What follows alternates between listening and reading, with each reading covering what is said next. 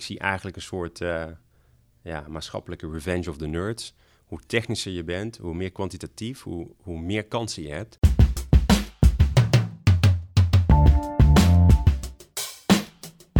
Dit is EY Trends 2019.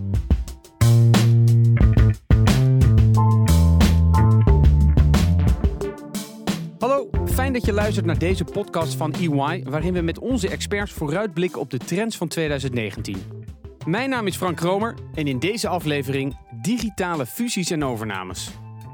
In deze tijd van de cloud, algoritme en kunstmatige intelligentie draait alles om de software. En dat betekent dus ook dat nieuwe techbedrijven die software as a service aanbieden erg interessante overnamekandidaten zijn. Kijk bijvoorbeeld naar de recente overname van Qualtrics. Maar het betekent ook dat de manier van waarderen totaal op zijn kop wordt gezet. Tijd dus om vooruit te kijken. Big news of a deal that uh, just took place over the weekend. SAP buying Qualtrics. It's a data analytics startup. Actually competes with SurveyMonkey. Uh, for $8 billion in cash. That's the price tag. That deal coming just before Qualtrics was set to go public this week. So, SAP is a real company. SAP is a big company, and I think the, this $8 billion acquisition validated just how big this category is. This is a multi, multi billion dollar global category. This is the jewel in the crown of SAP, yes, and it does change us fundamentally.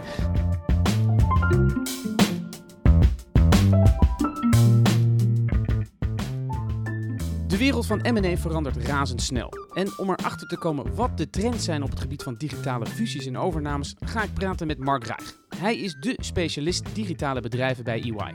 Mark, welkom. Dankjewel. Um, 2019 staat voor de boeg. Ja. Wat is jouw belangrijkste verwachting voor komend jaar? Mijn belangrijkste verwachting voor komend jaar is dat uh, software, uh, machine learning, artificial intelligence nog belangrijker zijn dan vorig jaar. En dan niet uh, op de hype manier die we gezien hebben, dat alles een beetje AI geworst werd, maar werkelijk. Dus dat het nog meer om de inhoud gaat en dat het allemaal nog sneller zal gaan. En wat betekent dat dan voor jouw M&A-praktijk? Concreet wat dat betekent is dat je naar andere aspecten van een bedrijf moet gaan kijken. En dan heb je andere tools voor nodig, uh, andere kennis voor nodig. Dat is niet strikt een financiële analyse alleen. Um, en dat zorgt voor een aantal uitdagingen. En ik denk dat we daar uh, flinke investeringen in hebben gedaan. En dat zorgt ervoor dat wij een competitief proces, dat vier tot zes weken duurt, aan de koopzijde um, echt op basis van originele data, um, uh, op low-level journal entries of echt naar de softwarecode kunnen kijken uh, om investeerders te helpen met hun beslissing. Vroeger kocht je een bedrijf en dan kocht je uh, activa, dan kocht je waarschijnlijk de inventaris, de stenen, de machines.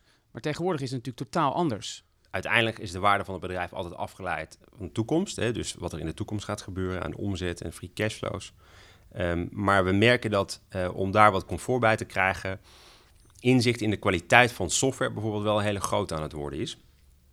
Um, we hebben heel lang allerlei indirecte manieren gebruikt om uh, de kwaliteit van software af te leiden. Dus hoe stabiel is het platform, wat voor incidenten zijn er, uh, wat voor commits, uh, kwaliteit van het development team, wat voor proces hanteren ze. Um, is er feature parity en hoe snel gaat dat? Ik weet niet wat dat is, feature parity. Nou ja, je gaat gewoon kijken naar, naar een type software, vergelijk je dat met concurrenten. Uh, en, en hoe zij zeg maar, over tijd hun functionaliteit hebben verrijkt of hebben uitgebreid.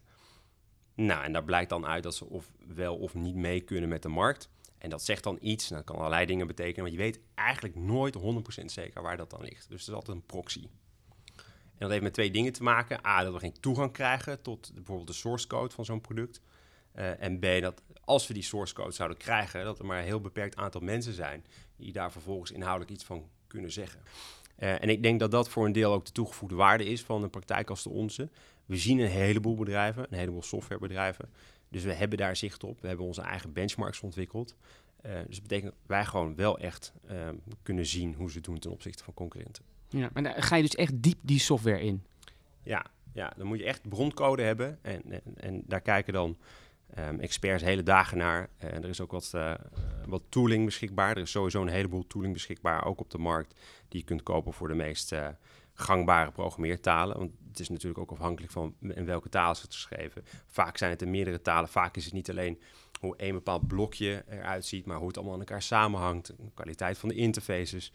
Um, de menselijke processen eromheen. Dus echt de schaalbaarheid bijvoorbeeld van de organisatie is veel breder dan alleen de code. Er zijn een heleboel analogieën te bedenken voor software. Een hele simpele is, is, is een trui breien. Um, kijk, uh, je, kunt foto's van die trui zien in de dataroom, de prijs van die trui, hoe lang er aan die trui gewerkt is, dat soort zaken allemaal. Maar uiteindelijk is het heel belangrijk om iemand met verstand van breien naar die trui te laten kijken in het echt. En gewoon al die verschillende steekjes door te lopen om te zien of daar fouten zijn gemaakt, of het vakwerk is, of het ding lang meegaat, noem maar op. Nou, dat laatste kan eigenlijk pas sinds kort. Uh, het lijkt me dat er dan ongelooflijk groot gevecht is om diegene te vinden die dat kan herkennen of het vakwerk is of niet. Ja, ik denk, ik denk als je nu gaat kiezen waar je een carrière in gaat hebben, uh, was het in het verleden zo dat uh, mensen met een financiële achtergrond dachten dat ze master of the universe waren. En ik zie eigenlijk een soort uh, ja, maatschappelijke revenge of the nerds. Hoe technischer je bent, hoe meer kwantitatief, hoe, hoe meer kansen je hebt.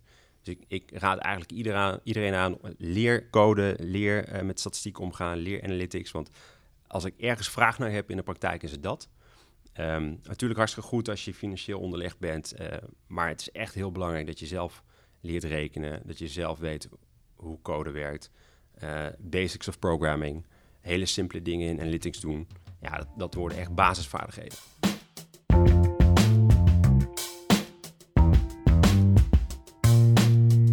Mark, de dataroom, die ouderwetse dataroom. Ja. Dat was best wel een langzame manier om te weten komen wat een bedrijf allemaal in huis had. Ja. Het lijkt me dat het steeds sneller moet. Het moet steeds grondiger in ieder geval. Eh, want er is steeds meer data. En uh, tijdslijnen die worden niet primair door, um, ik zou zeggen, de hoeveelheid data gedreven nu. Maar kijk, zo'n due diligence proces is breed. Hè. Daar, daar, moet naar van alles gekeken worden. Er zitten juridische aspecten aan, pensioenen, tax, noem maar op. Uh, dat zijn allemaal zaken die we doen. En het dataroomproces als zodanig zie ik ook niet uh, verdwijnen op korte termijn. Er zijn ook hartstikke goede providers die zelf allerlei hele slimme dingen proberen te doen met de data die in zo'n dataroom staat contract analyseren, summaries, et cetera. Alleen wat je vaak ziet is dat er bijvoorbeeld qua operationele data, dat daar uh, heel high-level informatie staat. En wat je heel graag wilt is echt tot de bron, hè, tot de kern van de zaak doordringen.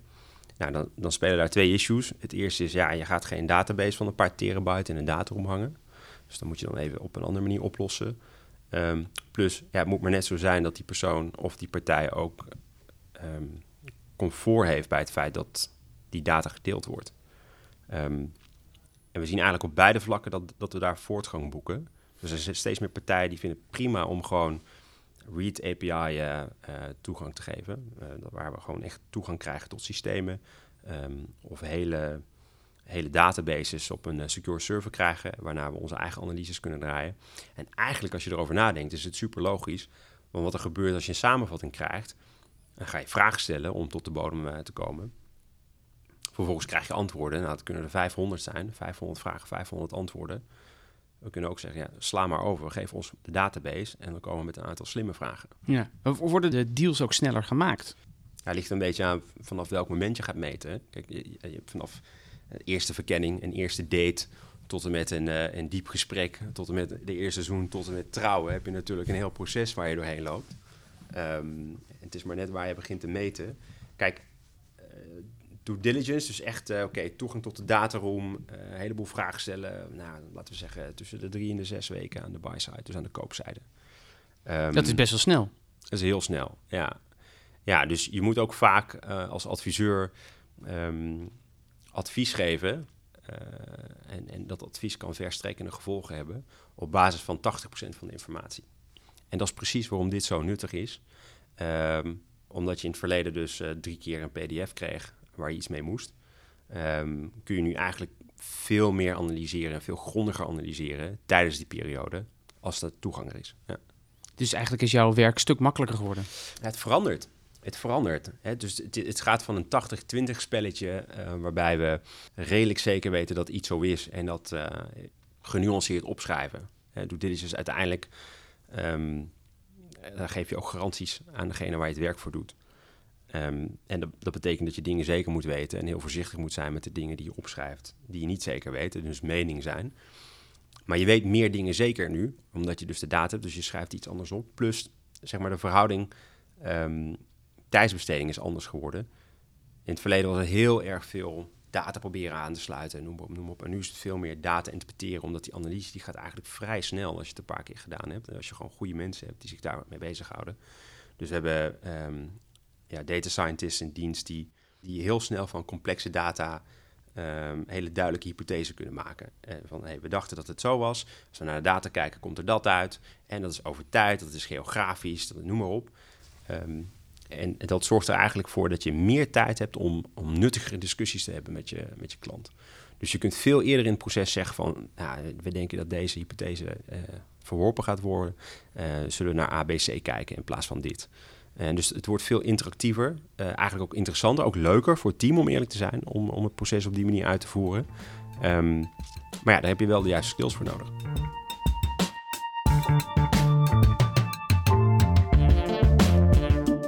We hebben het gehad over uh, het belang van software. En dat het steeds belangrijker wordt om daar de waarde van te bepalen. We gaan ook snellere deals zien, daar hebben we het over gehad. Um, maar toch, is er eigenlijk een verschil tussen overnames bij, ja, laten we het zeggen, traditionele bedrijven en digitale bedrijven? Ja, ik denk dat er hele grote verschillen in zitten. Um, en, de makkelijkste manier om dat te illustreren is, is de vraag die, die, we vaak krijgen. Um, wat is nou een normaal niveau van marketinguitgaven? En als je, dat is heel grappig, als je kijkt naar een traditioneel bedrijf. Het voorbeeld dat ik gebruik intern is, uh, je verkoopt stoelen. En koop je hout en dan maak je stoel van. En die verkoop je en je hebt een beetje voorraad. En je hebt, uh, je hebt retailers en daar lever die stoelen aan, noem maar op. Dat een heel traditioneel bedrijfsmodel. waarbij de PNL heel logisch is. er zijn kosten of goods sold, dus de kosten van het hout eigenlijk. En dan heb je de uren van de mensen die die stoelen hebben gemaakt. Um, en dan moeten er wat advertenties in de krant komen en op andere plekken. En dat zijn je marketinguitgaven. En die moeten dan grofweg overeenkomen met je omzet. Nou, en dat soort sanity checks werden dan gedaan. Ja, dat, dat gaat dus helemaal op zijn kop eigenlijk als je het hebt over uh, online bedrijven en de meeste digitale uh, bedrijfsmodellen. Omdat, um, omdat het vaak zo is dat, wat in het Engels heet die incremental cost to serve. Dus in het Nederlands van wat kost het nu om een nieuwe klant te bedienen? Die is bijna niks. Als je software ontwikkeld hebt en die lever je online. Uh, iemand gebruikt dat, ja, is een klein beetje hostingkosten, maar het kost eigenlijk bijna niets om dat te leveren na die initiële investment. En dus de manier waarop je dan naar klanten kijkt, en, en dus dit is voor uh, nou, heel veel online bedrijven, denk aan SaaS-bedrijven, dus bedrijven die software als een dienst leveren online. Denk aan e-commerce bedrijven, denk aan hostingpartijen die online diensten verkopen. Um, ja, wat je daar ziet is, is dat dat allemaal het geval is. En dat je dan een, um, een, nieuwe klant eigenlijk gaat waarderen alsof het een project is. Dus je geeft geld aan marketing uit om zo'n persoon binnen te halen. Um, vervolgens levert hij iets op. Hè, marge over de lifetime, dus over het leven van die klantrelatie. Nou, als, je, als, als die klant meer oplevert aan marge uh, dan dat het gekost heeft aan marketing om die binnen te halen, dan doe je het goed. En dat, dat heet dan een CAC-LTV-ratio of LTV-CAC. Dus lifetime value over acquisitiekosten. Oké, nou dat betekent dus als ik kijk naar een bedrijf dat uh, hard groeit online en die maken winst, dan is de eerste vraag: kon je dat geld niet uitgeven aan marketing? Ik bedoel, als, als je zo hard gaat en die klanten zijn er, waarom geef je dat niet gewoon uit? Is dit geen uh, marktaandeelplay? Wat, wat is de bedoeling hier? Dus in plaats van, van is, deze, is dit niveau marketinguitgaven in lijn met wat de historisch zien en grofweg in lijn met de groei van de omzet en bla bla bla krijgen we vaak de vraag van... oké, maar was dit bedrijf niet in staat om via bepaalde online kanalen... voldoende spend eh, te hebben, dus voldoende geld uit te geven... Um, om te investeren in toekomstige groei. En, en dat, is, dat is eigenlijk het grote verschil, dat je zaken gaat bekijken in, cohorten. Dus alle klanten die in Q1 vorig jaar uh, erbij zijn gekomen, hoeveel daarvan heb je er nog? Uh, hoe groeit dat cohort over tijd? Hoeveel extra diensten kun je aan die mensen verkopen? En, en nou, dan kun je heel mooi een vergelijking maken van wat het gekost heeft om die klanten binnen te krijgen, wat het gaat opleveren. En dat kun je over tijd doen. Dus dan kun je zien of dat bedrijf steeds beter daarin wordt of niet. Dat is heel interessant, want uiteindelijk kan je dan antwoord geven op de vraag: heb jij de beste klanten in de markt al of niet? En omdat de waarde van iets uh, op basis van de toekomst is eigenlijk grotendeels. Um, is het heel erg van belang om te weten of je je beste klanten, de meest winstgevende klanten al hebt. En wat je gaat verdienen aan de klanten die nog moeten gaan komen. En dus is echt een kanteling van bijvoorbeeld een tijdvak naar een cohort.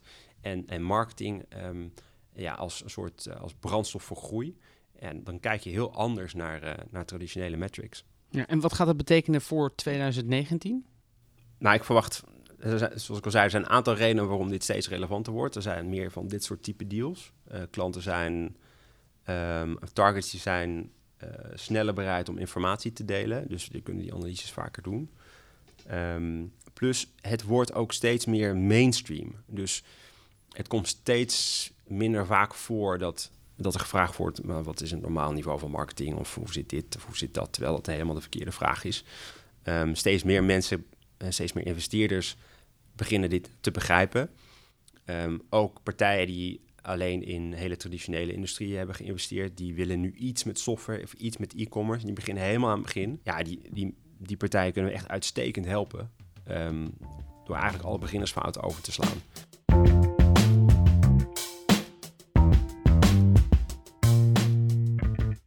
Verwacht je dat er ooit een keer een M&A-deal komt die puur door een computer gemaakt is? Uh, dat denk ik niet. Dat is wel een hele goede vraag. Uh, er zitten eigenlijk twee aspecten aan. Uh, het stuk analyse en dan de persoon of het bedrijf dat de deal doet. Um, voor wat betreft de analyse denk ik dat je gelijk hebt. Dat gaat steeds meer um, op basis van data analytics, um, onze eigen algoritme, geautomatiseerde tools om heel snel tot inzicht te komen. maar mijn verwachting is dat de beste combinatie altijd mens en machine zal blijven. Um, wij zijn beter in uh, horizontaal nadenken, creativiteit, uh, de big picture. Um, machines die zijn beter in uh, comprehensive zijn, dus alles afdekken en hele grote datasets analyseren. Dus dat zal steeds meer een combinatie worden in plaats van het een of het ander. Um, waarbij ik wel denk dat, dat machines, dus dat software een steeds groter deel zal zijn. Voor de partijen die de deal doen, bedrijven of mensen, dat denk ik eigenlijk niet. Kijk, zo'n deal is altijd tussen twee partijen die dat bewust willen. Um, vaak zijn het ondernemers, die hebben hun ziel en zaligheid in zo'n onderneming uh, gestopt. Um, die willen dat het op een goede plek terechtkomt. Die hebben ook een reden om te verkopen. Die willen naar Spanje verhuizen of die willen iets anders gaan doen met hun leven. En, en kopers uh, zijn allerlei redenen om een bedrijf te kopen. Um, vaak ook niet alleen financieel. Dus dat betekent dat mensen altijd de reden zijn waarom er deals plaatsvinden. Daar dus absoluut niet. Maar de manier waarop we tot inzicht komen, dat gaat wel steeds meer geautomatiseerd zijn. Kortom, het gaat steeds belangrijker worden om de waarde van software te bepalen. En dat is mogelijk door echt in de broncode te duiken, door te bestuderen. In 2019 zullen de deals ook sneller beklonken worden, omdat er meer en meer data beschikbaar wordt gesteld die geanalyseerd kan worden. En niet te vergeten, bij overnames gaat op een totaal andere manier naar marketinguitgaves, naar de brandstof voor groei gekeken worden. Dit was de EY Trends 2019 podcast over digitale fusies en overnames. Wil je naar meer podcasts van EY luisteren? Abonneer je dan op deze serie via iTunes of Spotify. En natuurlijk via de EY website. Mijn naam is Frank Romer. Dag.